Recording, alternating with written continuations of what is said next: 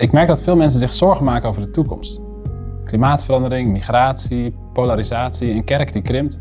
Hoe blijf je hoopvol in plaats van dat je cynisch wordt? En hoe neem je je verantwoordelijkheid zonder zelf in een burn-out terecht te komen? In de vijfdelige podcastserie Visioenen voor vandaag ga ik samen met Annemarieke Voorsluis op zoek naar antwoorden. Dat doen we in gesprek met allemaal boeiende gasten. Daarbij duiken we het Bijbelboek Openbaring in, op zoek naar inspiratie en richting. Maak de reis met ons mee vanaf 25 november via je favoriete podcast-app.